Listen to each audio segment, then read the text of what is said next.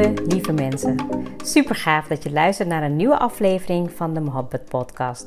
Mijn naam is Ruxana Mohabbat. Mohabbat betekent liefde in het Indiaans. In deze podcast geef ik je inspiratie, tips en tricks en deel ik inzichten om je leven en werk te creëren waar jij van droomt. Ik geloof erin dat jij je eigen droomleven kan creëren. Dat begint vanuit afstemming en liefde voor jezelf. We maken deze journey samen om de allerbeste versie van jezelf te worden. Door te werken aan je mindset, persoonlijke ontwikkeling en vanuit je diepe kern aan te gaan trekken wat je wil, zodat je al jouw doelen gaat bereiken. Ga je mee?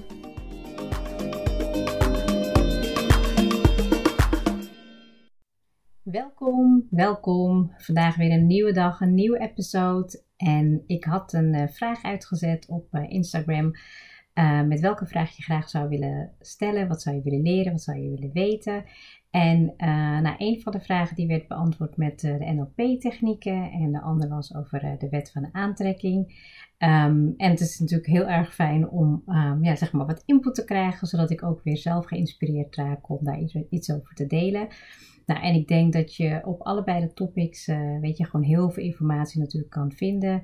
Ik zat zelf even een beetje te denken van ja, hoe kan ik het beste, um, ja, zeg maar bepaalde technieken overbrengen. Bij NLP zijn het heel vaak technieken die je moet ondergaan. Uh, eigenlijk ook alle um, soorten technieken ben ik zelf ondergaan en heb ik ook anderen laten doorgaan. Um, maar er zijn ook heel veel simpele uh, nou ja, technieken die je eigenlijk al meteen in je dagelijks leven kan toepassen, zodat je wel heel bewust daarmee bezig bent. En ik heb er een paar opgeschreven voor, um, ja, weet je, voor de komende dagen, waarvan ik denk van oké, dat is voor mij ook wel weer een hele goede les om even weer daarin te duiken. En ook vooral om te kijken hoe ik het inzet in mijn uh, dagelijks werk, maar ook in mijn nou gewoon echt voor mezelf. Hè? Omdat je natuurlijk ook continu, als je met bepaalde uh, technieken bezig bent binnen NLP, dan ben je ook uh, ja, bezig om, uh, om jezelf te laten groeien. het is natuurlijk een manier, om beter te communiceren met anderen. Um, het is een zijn bepaalde technieken die je kan toepassen om meer inzicht te krijgen over jezelf. Um, en over de ander. En het geeft je eigenlijk ook een beetje een, een, ja, een verbreding van je horizon, vind ik. Hoe je naar bepaalde zaken keek. En nou, gisteravond was ik in een gesprek met Smier en we, hadden, we waren wat dingen aan het bespreken, um, een stukje feedback. En op een gegeven moment viel het mij ook een soort van kwartje van: hé, hey, wat grappig in die context.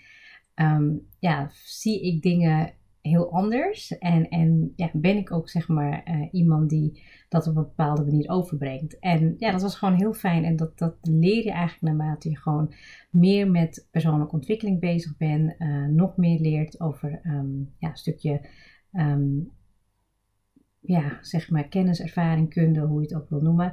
En in dit geval had het ook met NLP te maken. Nou, vandaag wil ik het met je hebben over herkaderen, ook wel uh, reframing genoemd.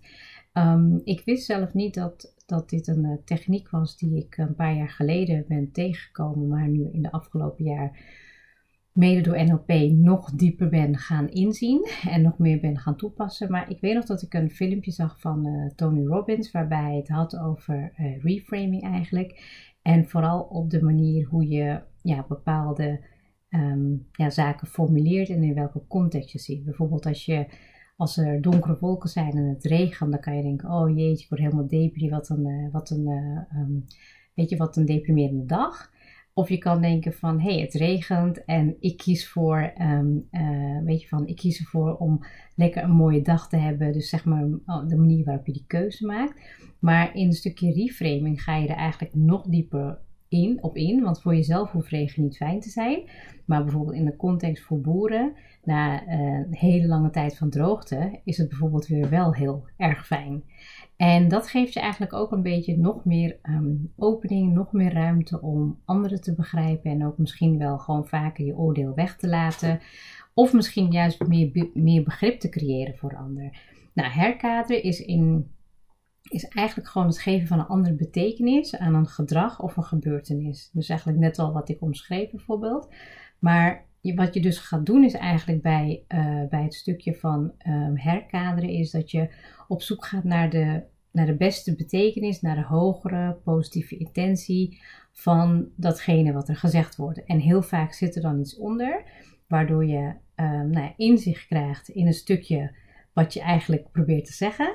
Of dat je het nog gaat herkaderen, reframen, zodat je duidelijker, ehm, ja, eigenlijk duidelijker kan uh, zien wat je wilt naar voren brengen. Nou, nu weet ik niet of ik het heel goed heb uitgelegd, maar hopelijk zal het in de, in de, in het verloop van de episode zal het duidelijker worden.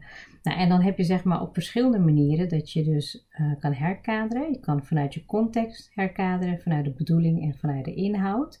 En als je dus bijvoorbeeld denkt, um, nou weet je, van uh, als jij bijvoorbeeld ik zeg maar wat, in een sauna bent, dan is het heel normaal dat je zeg maar, um, nou ja, weet je, een, een, badjas hebt of een, een handdoek of ja, geen van beide. Um, terwijl als je dat in, uh, in een open ruimte zou hebben, of in hetzelfde hotel of uh, waar, je, waar je bent, dan zou dat weer niet passen. Dus het is ook heel belangrijk in welke context zeg je bepaalde dingen. Hè? Ook ik, bijvoorbeeld als ik gewoon, nou misschien moet ik het even makkelijker maken voor mezelf.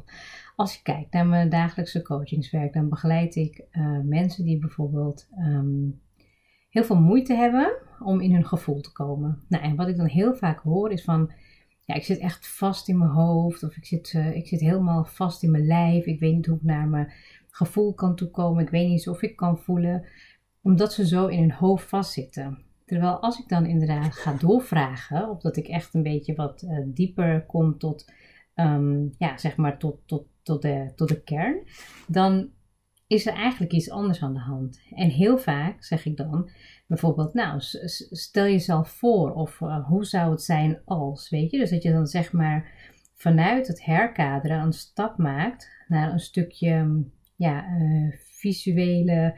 Um, beeld. Hè? Dus dat je eigenlijk gewoon ook daarmee de positieve intentie kan zien van datgene wat diegene aan het zeggen is. bijvoorbeeld als diegene zegt van, ja, ik zit helemaal vast in mijn hoofd. Hè?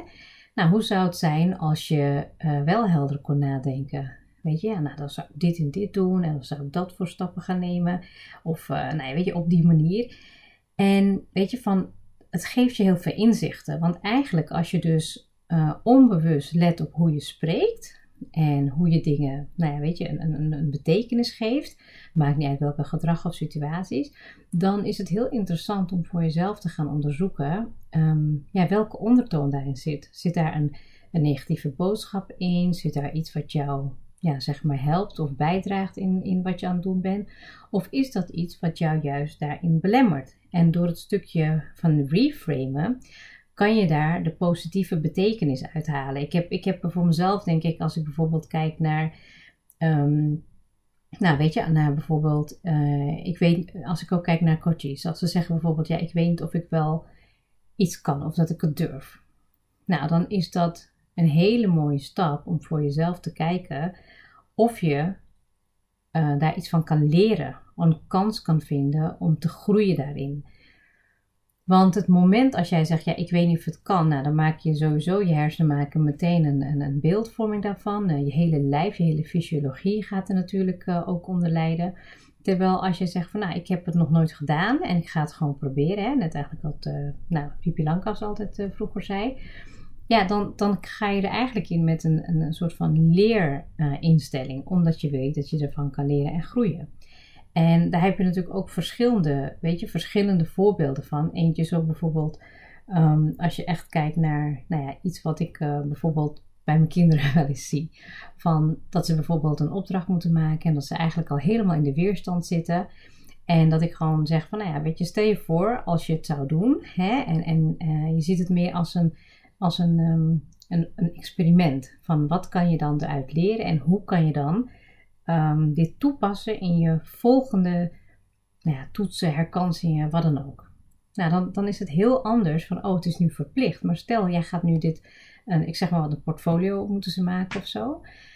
En er is weerstand, want je kent het niet. En je denkt van, nou ja, weet je, ik, eh, ik heb er helemaal niks aan. Terwijl als je met een experimenterende mindset erin gaat, dan kan je er misschien wel wat uithalen en kan je dat toepassen in je volgende soortgelijke situatie. Dus dat is een hele andere, um, ja, een hele andere herkadering, omdat je dan eigenlijk met, nou ja, met, met kennis eruit gaat. En ik denk dat dat ook voor, voor alles geldt wat we reframen, is dat het uh, te maken heeft, weet je, de basis van herkaderen is eigenlijk dat je de intentie en het gedrag van elkaar gaat scheiden. Dus um, ja, het, hoeft voor jou niet dezelfde betekenis te hebben. Als ik bijvoorbeeld kijk naar, als ik naar een, een, uh, naar een plek ga waar, ja, waar je heel vrolijk en heel vreugdevol moet gaan zijn. Of dat je, dat je, dat ga je bijvoorbeeld niet doen op de markt of zo. Of in een, weet je, dus de context en in welke intentie je daarmee hebt, hoeft niet te passen in het stukje herkadering wat je voor jezelf nu formuleert. En de vraag is, weet je, welke herkaderingen heb jij nodig, bijvoorbeeld, om ja, nog sterker uh, je dromen en doelen na te leven? Weet je, in welke context is dat voor jou handig en welke niet? Als ik bijvoorbeeld kijk, ik had toen een opdracht gedaan met een van de um, NLP-klasgenootjes, zeg maar. En daarin had ik bijvoorbeeld, uh, nou, ik merk dat ik te ambitieus ben en dat ik ook daar, daarin soms helemaal kan doorschieten. Dus dan zie je bijvoorbeeld een stukje van perfectionisme weer terugkomen. Ik zie een stukje van onzekerheid weer. Maar wat zit er, welk gevoel bij? En dat, dat kan je natuurlijk veel meer innemen dan op je systeem. En het moment als je dus dieper daarin gaat en ook het gevoel kan connecten met je lijf, met je nou ja, denken, voelen, willen, misschien is dat ook wel een beetje hetzelfde als uh, uitkrachtgericht coachen, dan kom je eigenlijk op bepaalde ehm, ja, punten uit waarvan je denkt van hé, hey, inderdaad, ik kan nu bepaalde uh, zaken herkaderen. Bijvoorbeeld in, het geval van mijn coaches, dat ze dan opeens zaken anders gaan zien of dat ze toch gaan herformuleren, herkaderen, in welke context. Hè? Ik bedoel, als je altijd zegt van, ik zeg maar wat, um, ja, ik vind mezelf, um, ik vind mezelf uh, niet mooi genoeg.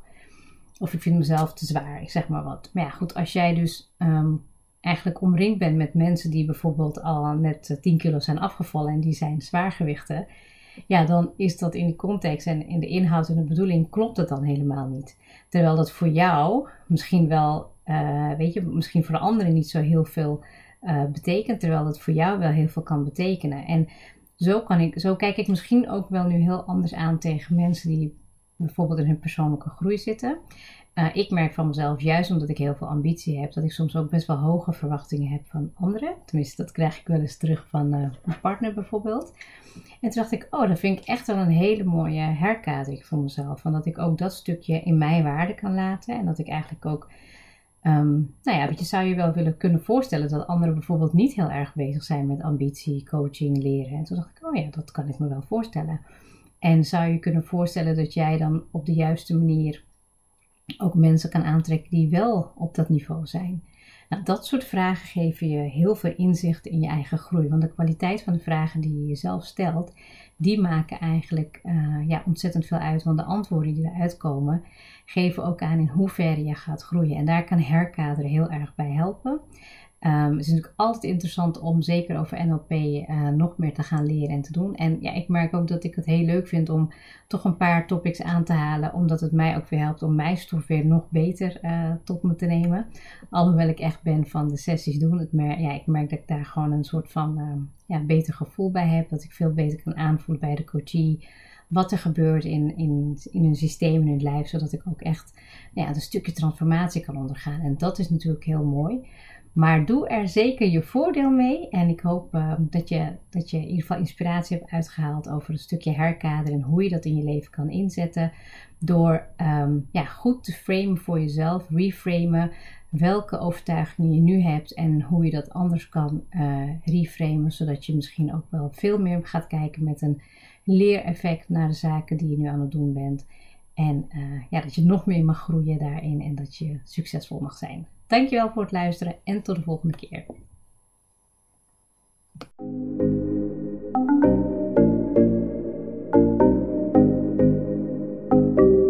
Super leuk dat je hebt geluisterd. Ik zou heel erg dankbaar zijn als je een screenshot maakt en mij tagt. Mijn doel is om mensen in beweging te krijgen, zodat ze hun droomleven gaan creëren. En ik zou het gaaf vinden als je een review achterlaat en mijn boodschap met zoveel mensen wil delen als je kan. Share and create your life with Mohabbat.